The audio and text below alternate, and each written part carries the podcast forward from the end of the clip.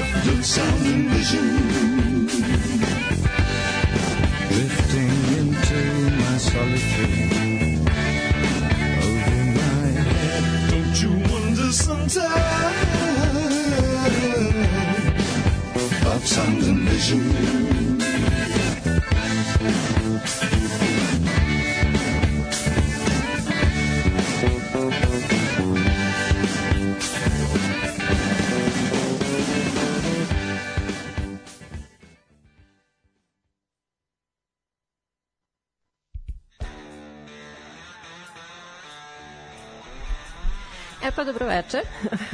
Nakon dvonedeljne pauze, eto mene ponovo sa vama, uh, jel, novi ciklus, 101. epizoda večeras uh, večernje škole. Uh, kucamo na vrata zaboravljenih hasova, tako da je uh, 34. epizoda davnašnja a, bila sasvim posvećena Davidu Boviju. Sad naravno više puta sam ga usputno pominjala, pošto se prožima kroz baš a, mnogo toga iz sveta muzike, a večeras se ponovo vraćam njemu, ali će ovog puta to biti vezano samo za jedan konkretan period i triptih albuma a, u duhu jel, mog skorašnjeg putovanja gde sam, verujem da ste svi ispratili. A, u pitanju će biti berlinska trilogija. A, u pitanju je druga polovina 70. godina i albumi Low, Heroes i Lodger koje je on uradio u kolaboraciji sa engleskim muzičarem, bivšim klavijaturistom sastava Roxy Music, Brianom Inom i američkim producentom Tonijem Viscontijem. A, ono što je najviše uticalo na ova ostvarenja je nemačka krautrock scena, a objasnit ću donekle, to je zap, dosta širok spektar eksperimentalne rock muzike koji potiče iz zapadne Nemačke i kasnih 60. godina, a koja je kombinovala psihodeliju, avangardu i elektronsku muziku. A takođe i skorašnja uh, Brianova, Brianina uh, ambientalna izdanja uh, su uticali na Bovija. Uh, albumi Low i Heroes su dosta eksperimentisali sa elektronskom i ambientalnom muzikom, sa uh, konvencionalnim numerama na A i striktno instrumentalima na B strani a Lodger čine više različitih stilova, dosta pristupačnijih pesama koje su liričkom tematikom odvojene po stranama. E sad, e, da odmah razjasnim pitanje autentičnosti baš konkretnog naziva ove e, terminologije kao berlinska trilogija, pošto je Bowie sam u nekom momentu počeo da referiše na ove albume kao e, Berlin Centered Trilogy, tako je Heroes jedini u celosti snimljen u tom gradu. Low je većinom snimljen u Francuskoj, a Lodger u Švajcarskoj i u Njujorku.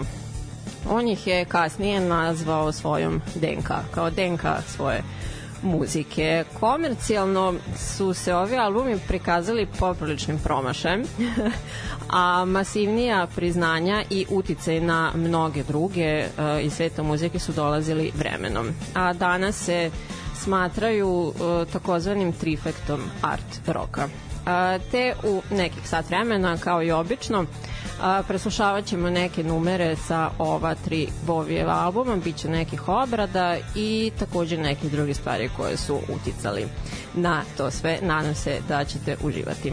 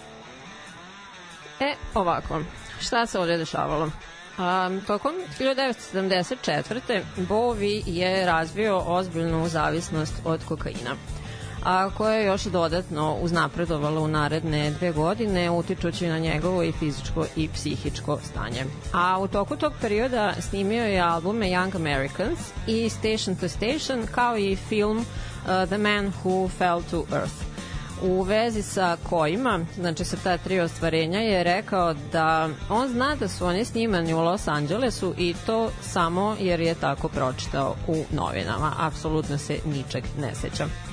Komercijalno su ova ostvarenja bila plodonosna, dakle ova malo prepomenuta, ali njegovo ponašanje je bilo dosta nepredvidivo i sam je e, dovodio u pitanje svoju lucidnost i mentalno stanje, pa je srećom rešio da se iščupa iz toga svega. E, te su se Anđela i on preselili najpre u Švajcarsku. Njegova stage persona u tom periodu bio je Thin White Duke, a, likom i karakterom nalik na onog humanoidnog vanzemaljca kojeg je glumio u filmu The Man Who Fell to Earth. A Thin White Duke je na prvi pogled pa delovao dosta konvencionalnije od svojih kitnjastih glam prethodnika, a, pošto ima urednu frizuru i nosio jednostavnu garderobu u kabare stilu, ali e, sa druge strane ta osoba izvodi romantične numere sa apsolutno nula emocija na svom licu, odajući pritom utisak bivanja potpuno praznim iznutra. A, David je njega opisao kao veoma arijevsku i fašističku osobu bez emocija. A sa tim u vezi bilo je i nekih kontroverzi pošto je intervjuisan kao Thin White Duke, davao izasne komentare o Hitleru i o nacističkoj Nemačkoj koji su interpretirani kao simpatišući prema fašizmu što se pogoršalo kada je grupu fanova u Londonu pozdravio kako se tako činilo i uhvaćeno fotoaparatom onim naciji salutiranjem. On je poricao te navode tada, ali je u nastupajućim godinama sredinu 70-ih nazivao svojim najmračnijim periodom života, kada jeste bio obsednut nacističkom Nemačkom i okultizmom, a zbog paranoje i depresije izazvane svim tim drogiranjem, a Belog Vojvodu je okarakterisao kao zbilja jednu zločestu osobu. E sad njega nije zvanično ubio kao Zigija, ali po odlasku u Evropu ga je uh, zaovek penzionisao. A, nadalje, ono što se takođe lepo desilo u ovom periodu je i prvi solo album Igija Popa, The Idiot. A, dakle, Bowie je dobar prijatelj, se takođe borio sa sličnim demonima kao i on i bio je rad da mu se pridruži najpre na turneji, a zatim u preseljenju u Evropu kako bi radili zajedno na nečemu novom i sredili se. Sad Bowie je a, postao fasciniran Berlinom i Iggy Pop i on su rešili da se presele tamo radi detoksikacije i bivanja izvan radara. A, David je komponovao većinu muzike za Iggyjev album Idiot, a Iggy je napisao većinu stihova. E sad, pošto je ovaj album a, snimljen tik pre uh, Bovijevog albuma Low, na njega se referiše kao na nezvanični početak Bovijevog berlinskog perioda muzika na njemu ima dosta sličan zvuk onom koji će David kasnije detaljnije da istražuje u svojoj trilogiji. A sa tim u vezi, pa reakcije su na Idiot bile onako, fanovi su smatrali da je album nereprezentativan uh, popovoj dotadašnjoj diskografiji sa Stoogesima i da je Bovijev rad uh, to zapravo pod nekim drugim imenom. Sad, Bowie jeste kasnije priznao da je Iggy poslužio kao kakvo zamorče za stvari koje su njega lično zanimale, a da nije imao baš previše ideje kako da se njegovom albumu posveti na neki e, njemu svojstven način. E sad, jedan e, muzički znalac i biograf smatra uh, The Idiot uh, Bovijevim albumom koliko i popovim. Uh, takođe da berlinska trilogija, iako treba da se sastoji iz, jel, kako je naziv kaže, tri albuma, da kao zapravo ide ovim redosledom, kao The Idiot, Low Heroes, uh, zatim uh, se to ubacuje Last for Life, kao kakav suplement i Lodger predstavlja epilog čitave te priče, o tome vam malo detaljnije kasnije. A sada a, reč dve o ovom albumu Low, sa koga je bila ona prva pesma Sound Vision koju sam vam pustila. A i ova obrada uh, Always Crashing in the Same Car. Um, najpre Bovi i Brian i Ino upoznali su se u backstage-u jednog Davidovog koncerta. Dosta su se skapirali oko tih zajedničkih interesovanja za krautrock i želje za novim eksperimentima u muzici i dogovorili se da ostanu u kontaktu, što su učinili zvanično godinu dana kasnije. A ono što je često zabluda iz nekog razloga da je Ino bio je producent ovog uh, ostvarenja, a i onih kasnijih zapravo, što nije bio slučaj, on jeste bio njihov integralan deo čitavog tog procesa, ali ih nije producirao, Tony Visconti je bio uh, u toj ulozi. Um, tokom snimanja ovog albuma atmosfera je bila onako dosta opuštena, Bovi jeste imao dosta bojazni kako će to sve da izgleda uh, bez upotrebe opijata na koje je toliko navikao, ali Ino se pokazao kao dosta dobar motivator u toj situaciji. A Iggy Pop se takođe motao po studiju i obezbedio je back vokale za numeru uh, Back in the World na ovom albumu bio je dosta pozitivan i zabavljao je ekipu pričama o Stoogesima i nekim njihovim dogodoštinama i tako. E sad problema je bilo sa osobljem uh, tog studija u Francuskoj u kom su snimali, pošto im neiskusni inženjeri zvuka nisu bili baš mnogo od pomoći, a zapatili su trovanje hranom koja im je tamo bila posluživana. te su nakon uh, snimanje pesme uh, Varšava se relocirali u zapadni Berlin, gde su završene još dve pesme i kompletiran je čitav album. A, na omotu ovog ostvarenja nalazi se fotografija Davidovog profila iz filma uh, The Man Who Fell to Earth, a naslov Low, dakle, je igra rečima uh, kojom je on referisao na termin low profile u kom je želeo da uplovi ne bili se sredio od svega što je trebalo. A u nastupajućim decenijama, nakon objavljivanja albuma, a, posle tog inicijalnog komercijalnog kraha rasla mu je slava zbog originalnosti i uticaja na post-punk i new wave a, žanrove. Istaknuto je da bez albuma Low ne bi bilo sastava, na primjer, Joy Division, Human League, Arcade Fire, pa čak i Mag Magazine i Wire. A Joy Division se tu posebno ističe obzirom da se prvobitni naziv benda, odnosno uh, se odnosio na pesmu sa ovog albuma, u pitanju je Warsaw, a takođe oni su sami naveli da su imitirali mračno mentalno stanje sa ovog ostvarenja na svom poslednjem uh, Closer kao i da je bubnjar sastava Steven Morris imao želju i nameru da svoje sviranje bubnjeva prikloni ovom sa Bovijog albuma, ali da mu baš nije polazilo za rukom. I nije bio jedini u toj nameri tokom vremena a Tony Visconti je uporno odbijao da objasni kako je kao producent gradio taj zvuk već je uvek uh, onima koji su mu postavljali pitanja uzvraćao kontra pitanjem kako ti drugi muzičari ili pak zvučni inž, zvuč, inženjeri zvuka pardon, uh, misle da je to urađeno. A o daljem uticaju ovog albuma govori to da je engleski pevač i tekstopisac i o, fan trivia, uh, bivši muž počerke Johnny Casha, Carlin Carter, uh, u pitanju je Nick Lowe. Uh, sad, uh, čije se prezime, uh, mislim, izgovara sa Lowe, ali se piše sa onim dodatnim E kao Lowe. A on je svoj prvi solo album za diskografsku kuću Steve Records nazvao uh, Bo, Bovi, ali bez E. kao napravio eto neku zezanciju a sa svojim prezimen, svojim i njegovim prezimenom. A Robert Smith iz grupe Cure e, je sa svojom ekipom neprekidno slušao ovaj album tokom procesa snimanja njihovog drugog albuma 17 Seconds. A, na primjer, Trent Reznor iz sasnava Nine Inch Nails kaže da je Low glavna inspiracija za njihov takođe drugi album The Downward Spiral.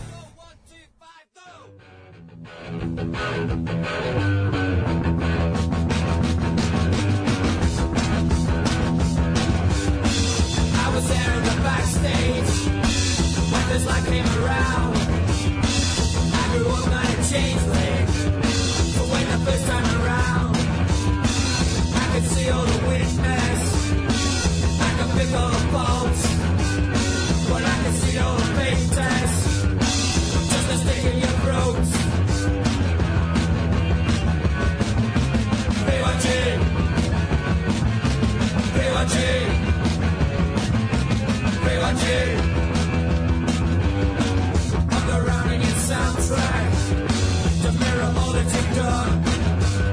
To find the right of reason, one. I can see all the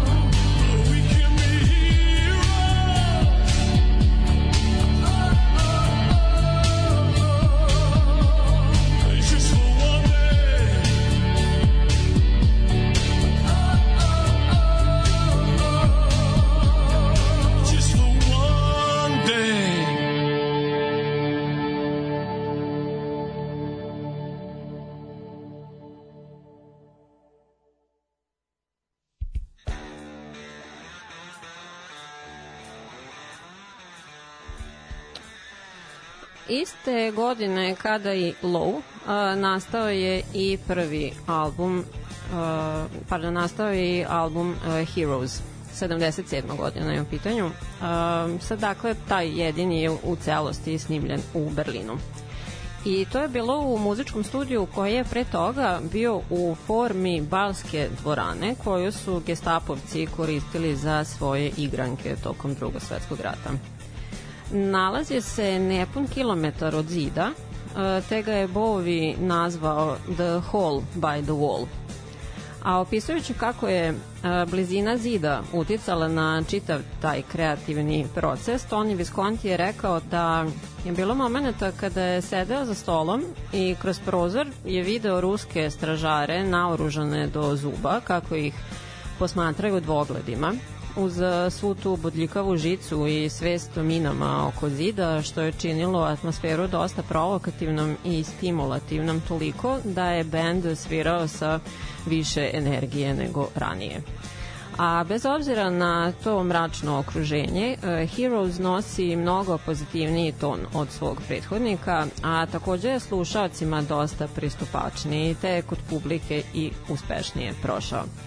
Bovi je bio fasciniran Igijevom sposobnošću da naprosto stane za mikrofon i improvizuje stihove kako mu nadolaze, a, a za Heroes je rešio da se oproba tim njegovim metodom, tako da za svaku pesmu sa ovog albuma a, misli se na one naravno koje sadrže tekst, pošto ponovo i ovde o, sadrži A strana sadrži stihove, a B su samo o, muzičke numere, instrumentalne numere.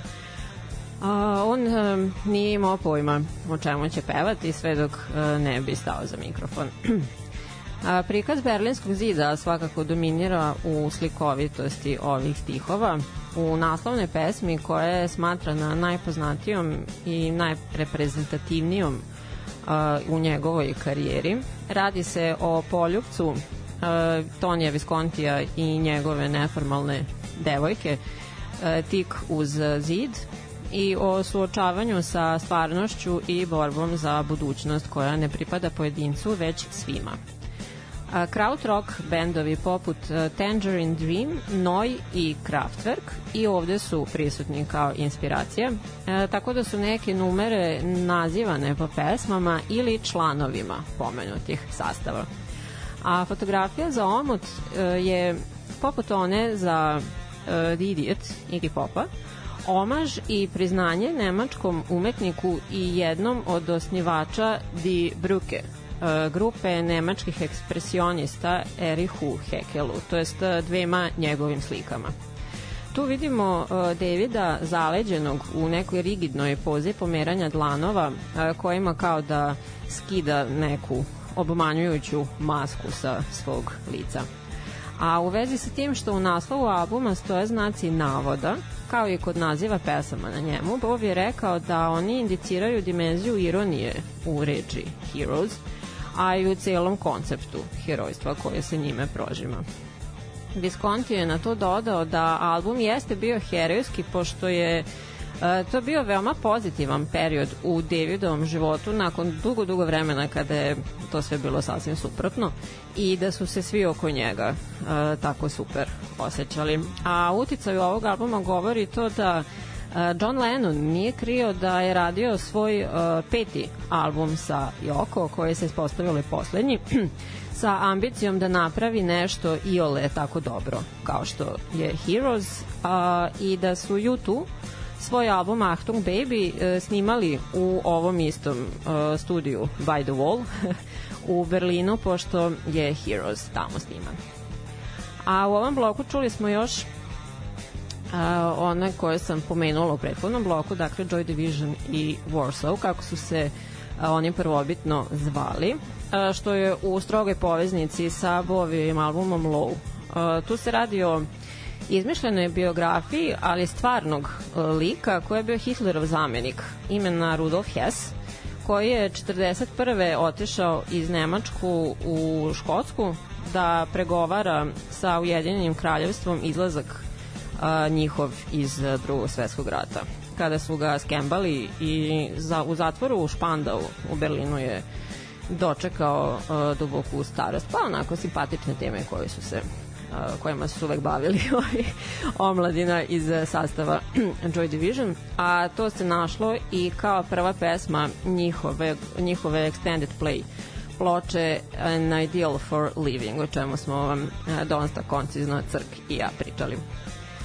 A nadalje, kako bi obeležili 40-godišnjicu izlaska albuma Heroes, momci sastava Depeche Mode snimili su svoju verziju istoimene pesme 2017. godine tokom nečega što su nazvali The Highline Sessions. E sad, ako sam ja dobro razumela, malo sam čeprkala o tome, njihova je kao tradicija da tokom poslednjih nekoliko dana snimanja a, svojih novih albuma, oni snime i poneke tako random uh, tuđe pesme, te je ova nastala tokom pripreme albuma Spirit. Uh, Dave Gain je istakao da je Bowie jedan od muzičara koje je on voleo još od tinejdžerskih dana i da njegove albume uvek sluša tokom putovanja po turnejama. I u tom momentu mu je zbog um, godišnjice ovog albuma ova pesma bila veoma posebna, a godinu dana pre toga svakako Bovi nas je napustio i Martin Gore i on su se složili da naprave ovaj omaž jednom od svojih idola dodajući te sebi svojstvene arome uh, jednoj od njegovih najpoznatijih pesama.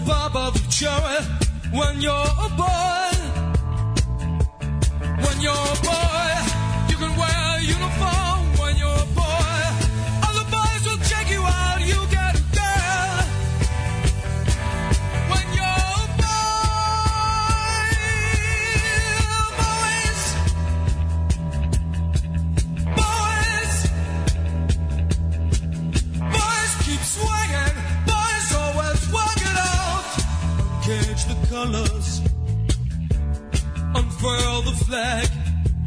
Not just maybe who show when you're a boy. They'll never clone you. You're always first on the line when you're a boy.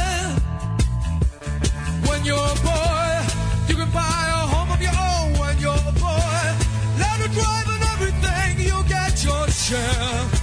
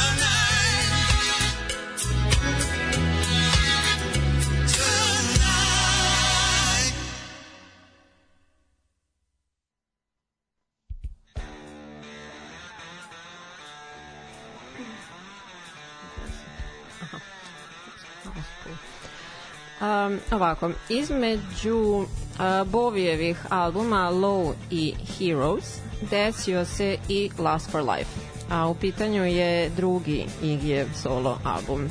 A, to jest, a, najpre je bila turneja za promociju The Idiot, koja je trajala nekih mesec dana i onda ovo. E sad, pošto je The Idiot bio nešto sasvim drugačije od rada Stooges'a, a pritom je mnogo podsjećao na Bowie Low. Usto je i David rešio da ne promoviše svoj album, već je pošao sa Igijem na turneju za promociju Idiota, svirajući mu pritom klavijature. I to sve ukupno je dosta vikalo zapravo David Bowie mnogo više nego Iggy Pop kada je o albumu reč. David je do duše pokušavao da ne privlači pažnju na sebe, E, tokom tih koncerata mirno je stajao za svojim instrumentom ne komunicirajući sa publikom, ali ipak je Iggy tokom intervjua češće bilo pitan o Davidu nego o sobstvenom radu, što ga je frustriralo pa je rešio da preuzme više kontrole tokom njihove iduće kolaboracije. U tu svrhu se preselio iz stana koji su delili u drugi do duše u istoj zgradi i e, čitav ovaj proces je bio gotov za 8 dana. On je istakao da je Bovi uvek bio jako brz u tom svom radu, da je morao da ono ubaci u petu brzinu da bi mogao da postigne to sve.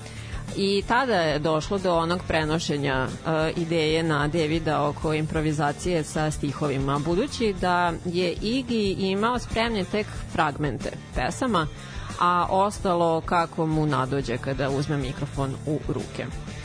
Last for Life smatra se najzad više popovim delom nego Bovijevim, manje je eksperimentalno, a više u proto-punk, hard rock i new wave maniru.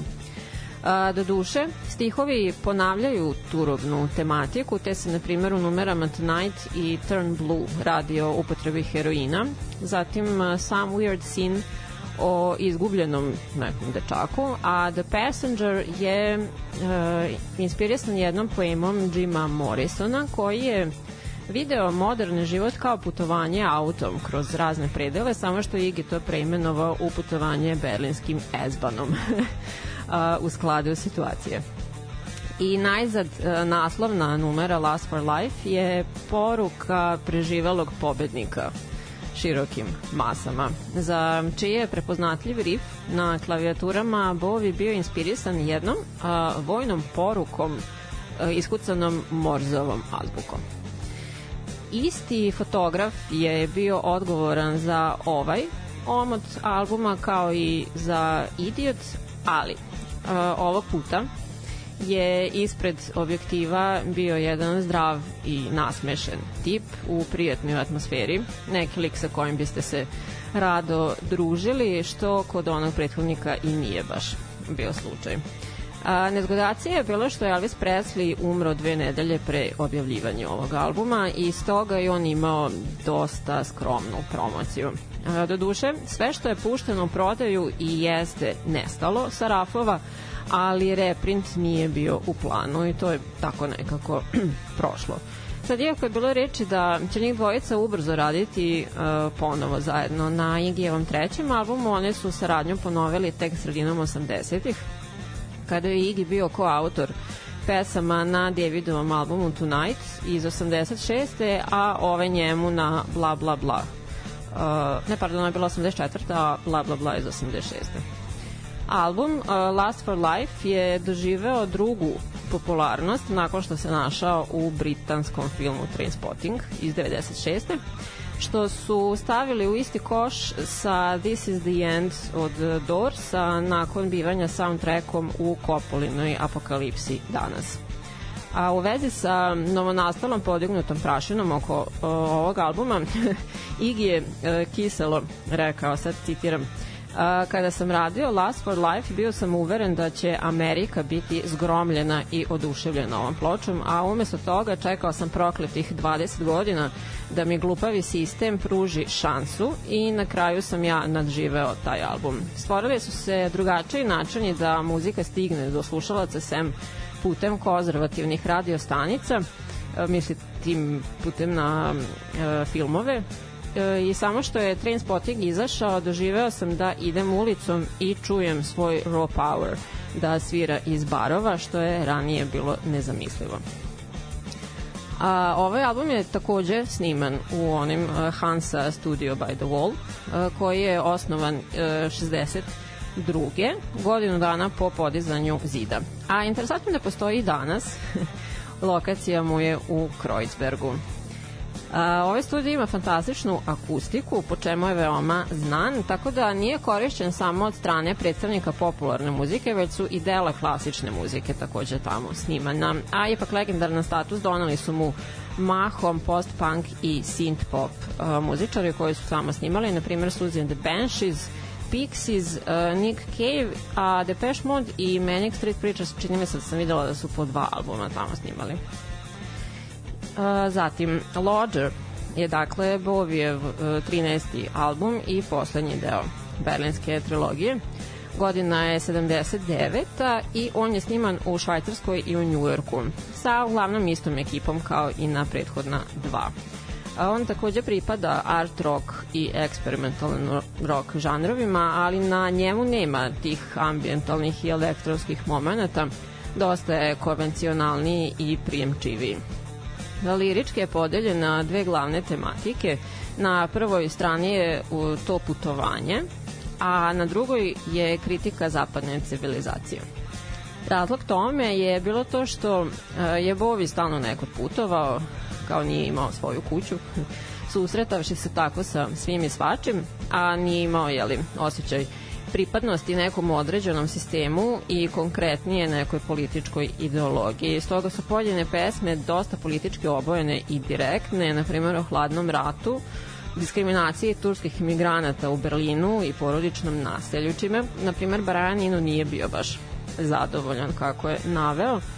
A, na, naravno, podigao je i po koju obrvu a, numerom Boys Keep Swinging, koja se bavi a, gender bendingom za koju on rekao da je zapravo sjajna pošto je sasvim ironična, jer on ne smatra da ima ište specijalno u tome da je neko muško ili žensko, već da on samo voli da se igra tim pojmovima i podalama i svime što bi moglo da dođe između. A austrijski ekspresionistički slikar Egon Schiele je Boviju bio inspiracija za omot ovog albuma. A, ovaj mladi slikar, čiji je mentor bio Gustav Klimt, bio je poznat po intenzitetu i sirovoj seksualnosti u svojim slikama, od kojih su mnoge bile i autoportreti, a, na kojima je on često bio nag, sa izuvrtanim delovima tela i veoma ekspresivnim linijama. Tako da ovde na fotografiji za Lodger imamo uh, Davida koji kao usled neke nezgode leži na pločicama kupatila, slomljenog nosa i ruke u zavoju. Uh, fun fact je da, da povreda na ruci bila autentična, to jest ti zavoji su stvarno bili to pošto je rekao da se tog jutra uh, dosta ispekao kafom a na njegov zahtev fotografija je napravljena polaroidom niske rezolucije, a takođe je tu prisutna i razglednica sa nazivom albuma na četiri različita jezika kako bi se pojačala ta tematika putovanja koja je bila prisutna. A ovaj album se smatra najslabijim od čitave trilogije, pošto je navedeno da mu fali rizika i uzbuđenja, kako, koje su kritičari dobili od prethodna dva, i uopšte mu je dosta potcenjen album, ali njemu kao i ranije navedenima ipak vremenom raste a, značaj, a posebno nakon njegove smrti. I na kraju čuli smo Tonight, a, koju je napisao Bowie za Iggy Popa. U njegovom izvođenju na album Last for Life to je dosta turobna pesma o ozbiljnom drogiranju. E sad, ja sam vam ipak radije pustila ovu verziju A, to je dakle Bovijeva obrada jel, svoje pesme koju je snimio kao duet sa Tinom Turner za svoj istoimeni 16. album. Za tu priliku izostavljen je Igijev uvod uh, koji je na samom početku pesme jasno nagoveštavao o čemu se radi i njih dvoje, dakle Tina i David su je uradili kao neku regijom inspirisanu, laganu, ljubavnu pesmu koja je kasnije završila i na njenom uh, Live in Europe albumu, m, čini mi se, iz 88. A to je bilo to za večeras u ovoj 101. epizodi. Hvala vam na slušanju. A, sledeće nedelje se čujemo ponovo sa nekom drugom temom. A, podržite me na Patreonu i na Paypalu. Ćao!